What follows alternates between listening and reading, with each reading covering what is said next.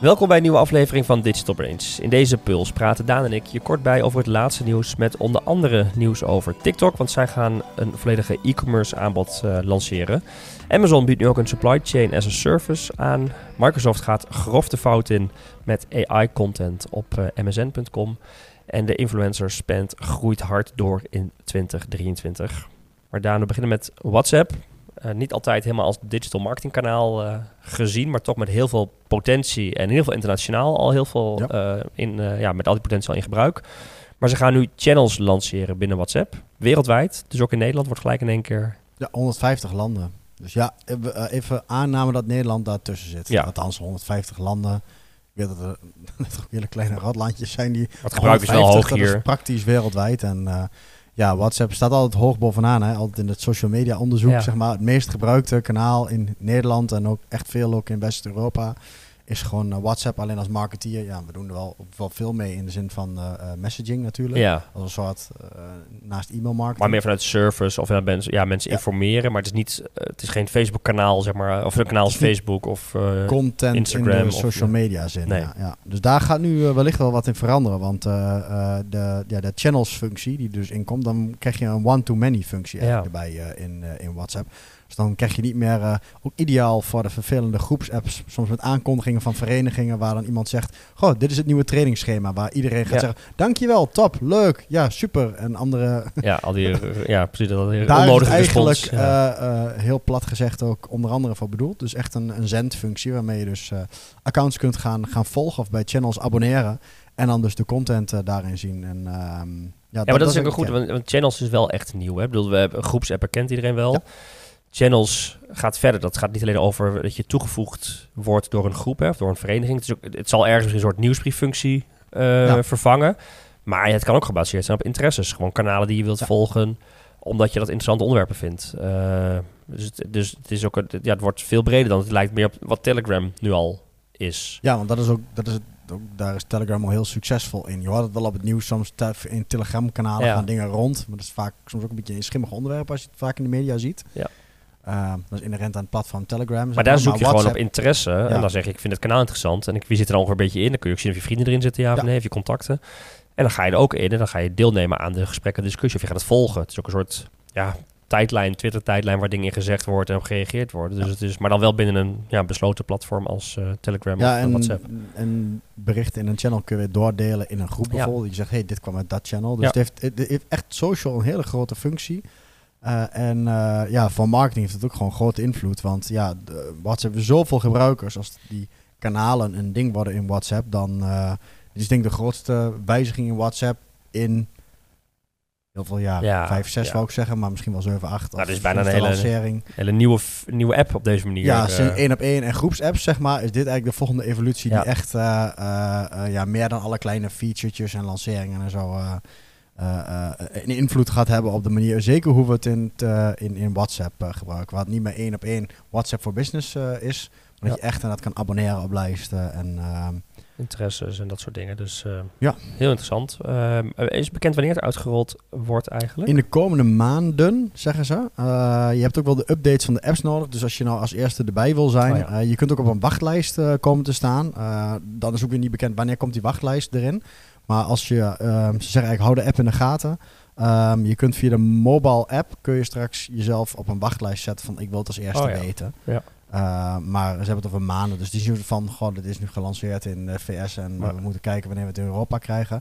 Het is uh, ja, allemaal tegelijkertijd en uh, het, het, wat de komende tijd beschikbaar. Want dat is natuurlijk wel een onderdeel van een succesfactor. Moet je, kun je ook gewoon Nederlandstalige kanalen gaan volgen. Hè? Dus, de, ja. de, dus het, het, ja, welke kanalen gaan er ontstaan? Wie, wie neemt initiatief erin? Dat is wel belangrijk. Ja. Uh, versus alleen maar Amerikaanse kanalen. Waar ja. Nee, dus je hebt echt het, wat een ding wat in je contentplanning van je social of je community strategie kan zijn, zeg maar. Maar ook heel plat, hè? los van marketing. Heb je een vereniging of heb je iets waar je dingen wil bijhouden, uh, dat het in WhatsApp terechtkomt, ja. zonder dat iedereen er al is een groepsapp op gaat reageren, zeg maar. Gewoon een soort mededelingenkanaal. Dus als je ook misschien wel in Teams of in je Slack hebt, zeg maar, mm. dan kun je dat daar heel makkelijk in doen. Dus ook ja. privé zou het makkelijk kunnen zijn om soms een channel van iets te maken. En ik, ik merk ook, ook in de zakelijk verkeer, hè, uh, of inderdaad bij verenigingen, er wordt gewoon veel meer en veel sneller via WhatsApp gere gereageerd en geregeld ja. dan via mail. Dus je dicht het gat tussen uh, e-mail en persoonlijke en, en en, en het uh, groepsapps, ja, zeg maar. Ja, ja. Ja, ja, Of het één op één, maar dit is inderdaad uh, toch naar, naar velen, waardoor de mail kan afschalen. Want volgens mij is de mailfocus voor heel veel gemiddelde gebruikers, gemiddelde consumenten echt gedaald. Ja. Los even van de zakelijke gebruikers. Oké, nou dan uh, ook wel een uh, ontwikkeling bij TikTok die serieus te nemen is volgens mij. Ze hebben daar lang aan gewerkt. Maanden van testen uh, zijn eraan vooraf gegaan.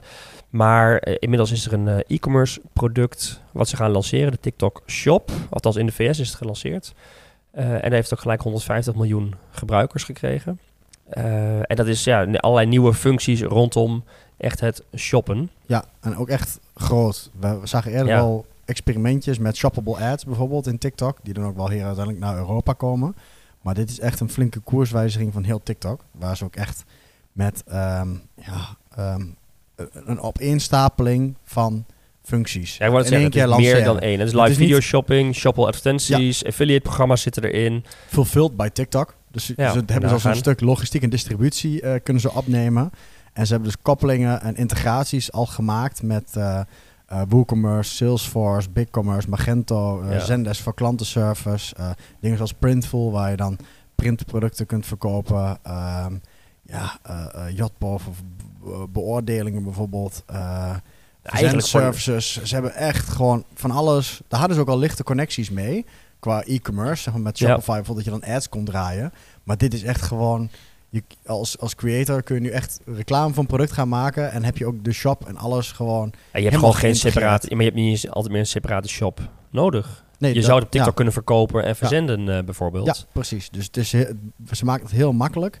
Uh, dus ze, ja, ze gaan niet alleen nu op social media de strijd aan, maar ook echt als een ja, helemaal zelfstandig uh, ja, verkoopkanaal, bij wijze van spreken. Dus je, je kunt eigenlijk gewoon je, je, je een TikTok-shop ja, hebben, ja. inderdaad. Uh, hoe je dat wil doen. Dus um, dan zie je dus echt dat het ook nog meer weer... Elk platform houdt de business zoveel mogelijk bij zichzelf. We hebben het eerder gezegd dat Google dat ook zou willen met ja, Google Shopping. Met Google Shopping. Amazon trekt alles naar zich toe, maar TikTok dus ook. Dus ja, hoe ga je cross-channel marketing doen? Dat is een beetje de vraag uh, in de toekomst. Als je ook zoveel uh, op een platform uh, zelf kan doen. En wordt het ook een beetje de concurrent van bijvoorbeeld de, de, de simpele shops als een of simpele als een Shopify, of de basic van Shopify. Die zegt dat dat is een template snel elkaar te zetten uh, ja. voor bijvoorbeeld een, een, doelgroep die dat laagdrempelig wil doen. Ja, de, als jou voornamelijk jouw bereik op, uh, op TikTok zit, dan hoef je niet eens meer een shopper naast te hebben draaien. Ja, nou, ik denk dat het ligt aan het type product natuurlijk. Als je zegt van, goh, je verkoopt gewoon een range van vijf relatief simpele producten of varianten van, of allemaal heel impulsief met kleine voorraden, zoals een... Uh, Um, hoe het ook alweer, uh, moet ik het goed zeggen, die Chinese, um, ik ben nu even de naam kwijt, die Chinese fast fashion keten. JD. JD bedoel even? Nee, um, oh, die is zoveel ja. met kritiek in het nieuws gekomen met zo'n influencer die nog, Shine. Oh ja, ja, ja. Shein, Shein, ja, die precies, die kleding je bedoel je. Ja, ja, Shine, zeg ja, maar. Ja. Die hebben gewoon geen voorraad, maar dat is gewoon op is op. Ja. Ja, dat soort dingen kun je natuurlijk makkelijk via TikTok. Maar ja, als je echt een webshop hebt met meerdere producten, varianten, ja, er blijft altijd ruimte voor een marketplace waarin je echt gaat uh, oriënteren, heel gericht op een product. Alleen voor discovery, ja, ja. ontdekking van producten en impuls aankoop is natuurlijk TikTok perfect. Ja, maar dat bedoel ik, hè, van een groep, ook de creatives bijvoorbeeld, die wel iets maken, maar waar een webshop heel ingewikkeld was, of heel zwaar, of heel duur. Ja, of onnodig. Of onnodig, ja. Dat je gewoon maar vijf producten verkoopt, niet eens in maten nee. of in dat soort dingen. Uh, ja. Ja, dan wordt het dus ook makkelijk. Ja, dus, uh, het is niet zo plat als heel e-commerce gaat nu naar TikTok toe, maar nee. je ziet wel dat... Uh, en ook een beetje de creator-economie, hè, waar het eerder... Uh, daar gaan we het straks ook nog hebben over, van hoe verdienen influencers hun geld. Dus dat ook besteed meer zijn met gewoon direct productverkoop. Ja. En als het gaat om ja, influencers en creators, zeg maar, dat het een soort verdienmodel van hun wat. Dat ze producten, merchandise of dat soort dingen uh, direct kunnen afrekenen Ja. en verkopen. Ja, en natuurlijk ook voor een, groep producten waar je misschien niet actief naar zoekt, maar Ja. waardoor je in je tijdlijn tegenkomt, enthousiast raakt en gelijk kan bestellen. inclusief, eh, Social commerce, maar dan volledig Echt next in één level. keer ja. woep, in de VS eh, dus uitgerold. Dus uh, ja, Ook wel eh, dat, eh, bijzonder dat eh, TikTok hier meer komt. Voor Meta is het nog wel een... eh, Die zaten er eerst volop. eh, ja, maar die eh, lijken dan nu de boot wellicht te missen. Ja. Of een andere strategie te voeren. Ja. Oké, je noemde dat even Amazon, hè, ook bezig om steeds meer naar zich toe te trekken. Qua business eh, natuurlijk, maar ook, ook in de dienstverlening. En nu hebben ze eh, supply chain bij Amazon uitgerold. Een complete eh, oplossing voor Amazon verkopers, maar zelfs ook voor niet-Amazon verkopers. Waarbij ze dus ja, eigenlijk de import, warehousing en fulfillment helemaal voor je rekening, of voor hun Ja, rekening hele nemen. supply chain. Weet je wat we net zeiden over. TikTok, social commerce. Ja, Dit, wat je ziet dat Amazon inderdaad eh, dus ook fulfillment bijvoorbeeld kan gaan doen nu straks van Shopify websites. Dus het, je hoeft niet meer een marketplace te doen of te verkopen op Amazon, zeg maar, om ook de logistieke services te gebruiken. Althans, dat is nu nog niet live, maar dat willen ze ook mee doen. En dat hebben ze gezegd. Er wordt ook een ja, soort logistiek bedrijf aan de achterkant voor uh, bedrijven zodat ze zich kunnen focussen op echte productontwikkeling en, en het ontwerpen. Ja. Maar dat niet meer gaat over het inkopen en het voorraad houden en supply chain met uh, ja, Chinese, Vietnamese of bedrijven rondom de wereld. Zeg maar, dat, dat en daar zit ook voor, we, kennen allebei ook wat ondernemers die best wel goede producten hebben. via marketplaces verkopen en via eigen shop verkopen, maar ook heel veel zelf aan handeling, retouren, gewoon heel veel werk en tijd daar kwijt mee zijn. En die dat dan, ja, je kunt het al uitbesteden, maar nu ook bij Amazon zouden kunnen ja. beleggen dan. Ja, en dat was uh, ja, altijd al, uh, al fulfillment bij Amazon. Wat dus ook inderdaad in je marketplace-strategie altijd een keuze was. Ga je via third-party logistics bijvoorbeeld dat doen dat je zelf voorraad hebt of ergens een externe partij hebt die jouw logistiek regelt en verzending. Um, en dat was altijd de keuze van doe je dat, heb je wat meer flexibiliteit soms. Uh, en fulfillment bij Amazon is gewoon, ja, ligt het op de plank bij Amazon, apart afrekenmodel. Maar nu zit alles dus daarvoor. Dat je dus eigenlijk niet eens je eigen product meer aan hoeft te leveren. Maar dat Amazon ook de, de, de inkoop en het hele transport na hun warehousing doet. En dan maakt het dus ook niet meer uit of je het dan via Amazon verkoopt. Het mag ook via een ander kanaal. Toch bijzonder wel eigenlijk. Hè? Dat, dat, uh, ja. strategie gaan voeren. Ja. Maar ja, ik denk dat het meerdere kanten heeft. Dat is niet alleen maar het, het, uh, het biedt hun zelf natuurlijk schaalvoordelen. Dat is wat ze altijd al hebben gedaan met logistiek zo groot zijn en zo geautomatiseerd dat dat eigenlijk ook niet, ja, dat valt niet tegenop te concurreren. En ze pakken al heel veel marge, bedoel je dan? Als ja, ze pakken uh, gewoon steeds meer in die waardeketen en dan kunnen ze gewoon integreren. Uh, alleen het is wel ja, goed om te kijken van als je nou inderdaad ook een webshop bent en je zit vooral op je inkoop, zeg maar. Zie je dus dat Amazon ook een, een beweging gaat maken op zo'n schaal. Mm -hmm. Dat ook steeds meer naar die logistieke kant toe gaat. Ja, dat biedt kansen en bedreiging allebei. Maar, uh, en we zien natuurlijk in Nederland bijvoorbeeld ook een beetje die dat terug hebben. We hebben het de vorige gehad over dat Amazon ook hier in Nederland een ja. logistiek centrum opent. Dat is niet wellicht alleen voor hun eigen dingen, maar dat is ook misschien wel voor uh, ja, in, in, de toekomst derde partijen. Dus ja. Amazon wordt ook een logistiek bedrijf in plaats van alleen maar een marketplace platform. Ja. En eigenlijk zeg jij dus, uh, ze zijn zo'n grote spelers, ze zijn zo slim, ze hebben technologie ja, dat kunnen ze zo makkelijk uitrollen dat ze op die manier daar heel veel winst pakken. In plaats van allemaal lo lokale partijen die dat hier in ja, Nederland en niet alleen afhankelijk zijn van hun eigen afzetkanaal, nee. van de webshop, maar ook van Amazon, andere. maar ook van andere, uh, dat ze dat ja. uh, los zien. Interessant, maar nog niet in Nederland, hè? Tenminste, daar gaan ze nog niet, uh, nee. het nog niet uit. Maar dat is een beetje net als verfilmd bij Amazon. Het zijn ook dingen die je op een gegeven moment hier hebt ja, gekregen. Het gaat en, gebeuren. ja, dat, dat waait gewoon over. Of naar Duitsland, waar ook natuurlijk veel Nederlandse bedrijven ook wel eens actief zijn op de, in andere landen, zeg maar in Europa. Ja. Dus ja. Oké. Okay. Uh, altijd komt AI natuurlijk nog even weer voorbij in onze puls. Want er blijven toch wat updates uh, of nieuwe ontwikkelingen. Soms ook nog wat foutjes die even aan het licht komen. Hoewel, ja, of is AI dan toch de waarheid? Uh, maar jij kwam iets tegen ja, dat weet ik niet. waarvan wel in ieder geval naar voren kwam dat het niet heel wenselijk is als AI zoiets toepast. Ja, de grap is van iedereen. ik denk dat de meeste marketeers nu al bezig zijn met content schrijven. En de vraag is op een gegeven moment: waar ligt de grens? Hè? Van wanneer natuurlijk nieuwsites en dat soort. Uh, uh, we hebben het ook natuurlijk met SEO gehad. Dat je zegt van ja, ja kan een SEO kan dat met geautomatiseerde content generatie. Het gebeurt bijvoorbeeld in, de, in sportwedstrijden, met name in de amateurklasse ja. bijvoorbeeld. Dan heb je gewoon. Dit was de, de uitslag. De, de de, ja, deze minuut kwam een gele kaart, kwam een groene kaart, of een rode kaart. Groen is van hockey dan.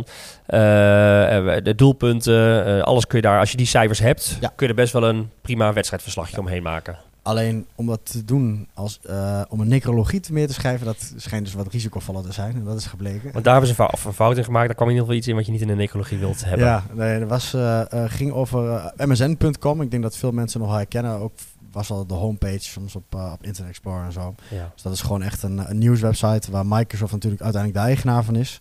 En die gebruikte dus ook AI om artikelen te genereren. En dus ook, in dit geval was het Brandon Hunter, een NBA-speler uit uit de VS. Die was uh, overleden. En hij heeft dus iemand, uh, waarschijnlijk ook gewoon even niet goed opgelet. Ja. Over de, het genereren. De eindredactie. De, de eindredactie, want ik hoop toch wel dat die er nog op zit. Iets te snel op publiceren geklikt. Maar wat stond er? Uh, daar werd diegene werd, uh, nutteloos genoemd in zijn eigen necrologie, zeg maar.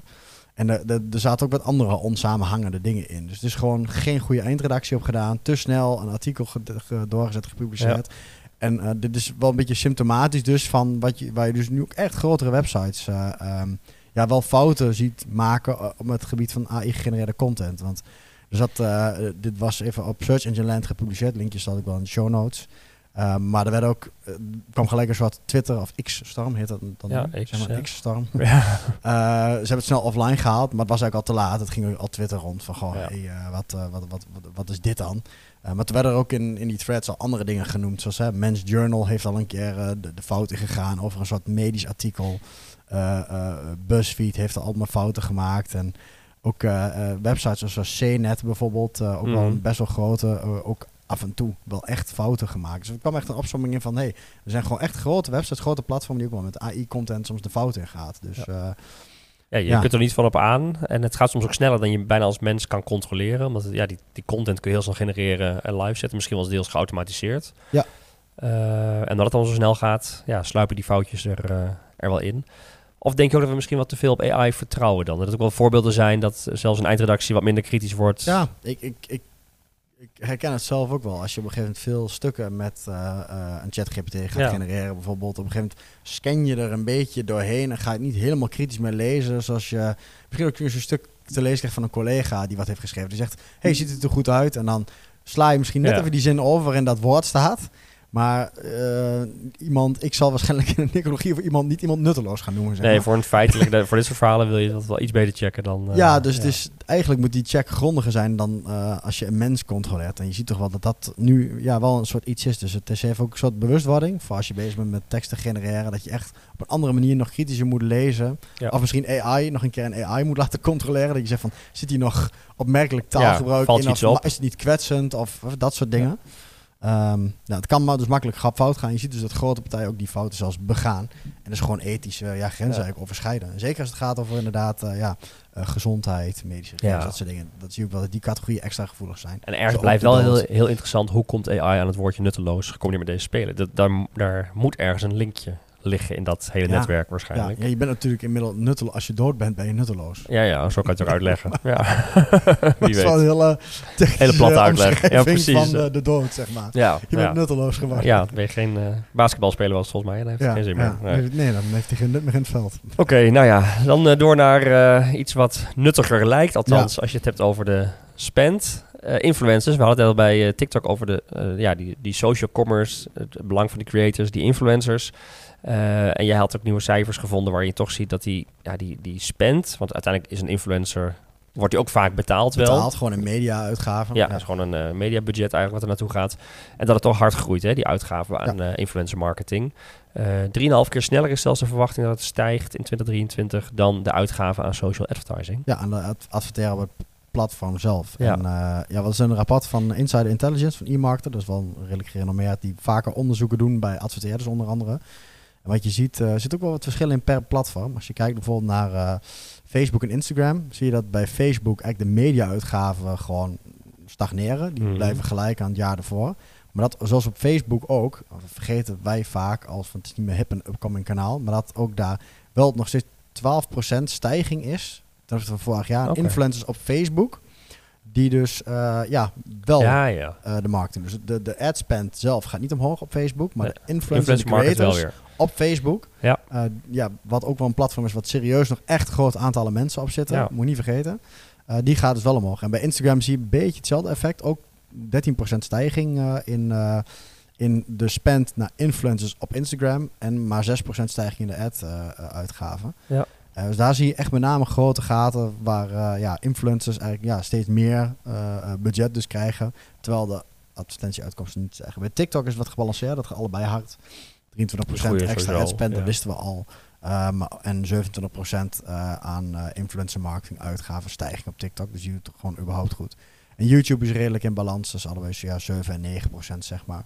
Ja. En uh, Snapchat zijn de, is, de, uh, is in de advertentieinkomsten zelfs iets gedaald. En, maar daar groeit ook niet heel hard op het gebied van influencer marketing. Dus uh, het grootste contrast eigenlijk vooral bij Facebook en Instagram, waar je echt ziet, influencers krijgen gewoon meer betaald, terwijl de advertentieuitgaven redelijk stagneren. Ja. Maar op zich een uh, interessante dus in ontwikkeling. mix ook kijken van ja, influencers worden steeds gewoon een belangrijkere mix uh, in elk standaard mediaplan. Ja, natuurlijk ook terug. En, en label het ook als uiteindelijk uh, gewoon paid, want je Ja. betaalt ervoor. Hè? Ja. We, we proberen altijd, even, tenminste, je wil graag or organisch bereik hebben via een influencer, maar in principe zet je een, betaal je een influencer. Indirect misschien wel Ja. uh, wat effecten, maar je De ziet dus dat paid, ja, ja. influencer marketing uitgaven echt een serieuze hap uit het budget gaan maken. En ja, in de totale spends echt wel groeiende zijn. Ja. Eh, een stuk harder nog dan de normale social advertising. Toch even nog het eh cirkeltje rondmaken. Eh, terug naar de WhatsApp wat we hadden, die channels waarmee we begonnen. Ja. Uiteindelijk zijn die channels natuurlijk ook voor Meta een heel belangrijk signaal over waar jouw interesses liggen. Want ik denk dat het gebruik op Facebook, Instagram misschien steeds minder actief is, dagelijks gebruik. Dus je weet veel minder waar mensen interesse in hebben. Je gaat ook niet meer inchecken op Facebook bijvoorbeeld. Nee. Terwijl misschien bij, bij WhatsApp en, en in die channels natuurlijk heel veel interesse kenmerken weer uit jouw profiel te, of aan je profiel toe te voegen Ja. zijn. Ze hebben er nog niks aan qua monetizing, zo, maar qua dataverzameling. Qua is dat dataverzameling. ontzettend waardevol. Eh, niet alleen sociale connecties, want dat is nu wat... WhatsApp is bijna één op één mensen, kennissen, vrienden. zeg Ken je die of Ja, ken je die, dat dingen. Ja. Ja. En dan wordt het in één keer ook een veel interesse eh, gerelateerd profiel wat je... Ja, eh, nieuws, kanalen. krijg Ja, ja, exact, Een beetje een mix tussen Twitter, X en... eh, ja. interessant. eh. Gebeurt in ieder geval eh, genoeg. er is wat in beweging. Eh, al- al- als marketing wel iets moeilijker allebei. Hè. Influencer marketing is wel wat moeilijker als vakgebied. En dat zie je met WhatsApp-channels uiteindelijk ook wel.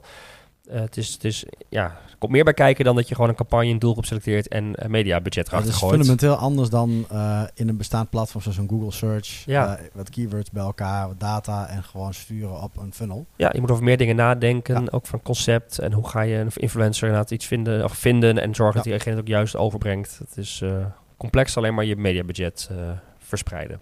Klopt. Interessant. Nou, het rapport, je noemde al eventjes, maar ook andere linkjes waar we het over hebben gehad, die vind je in de show notes eh, op advice.nl slash podcast of in jouw favoriete podcast app onder deze aflevering. Heb je tips, reacties, eh, ideeën, laat het weten via podcast.advice.nl en blijf op de hoogte van deze podcast in je favoriete podcast app of via Spotify of YouTube. Voor nu weer bedankt voor het luisteren of kijken en graag tot de volgende aflevering.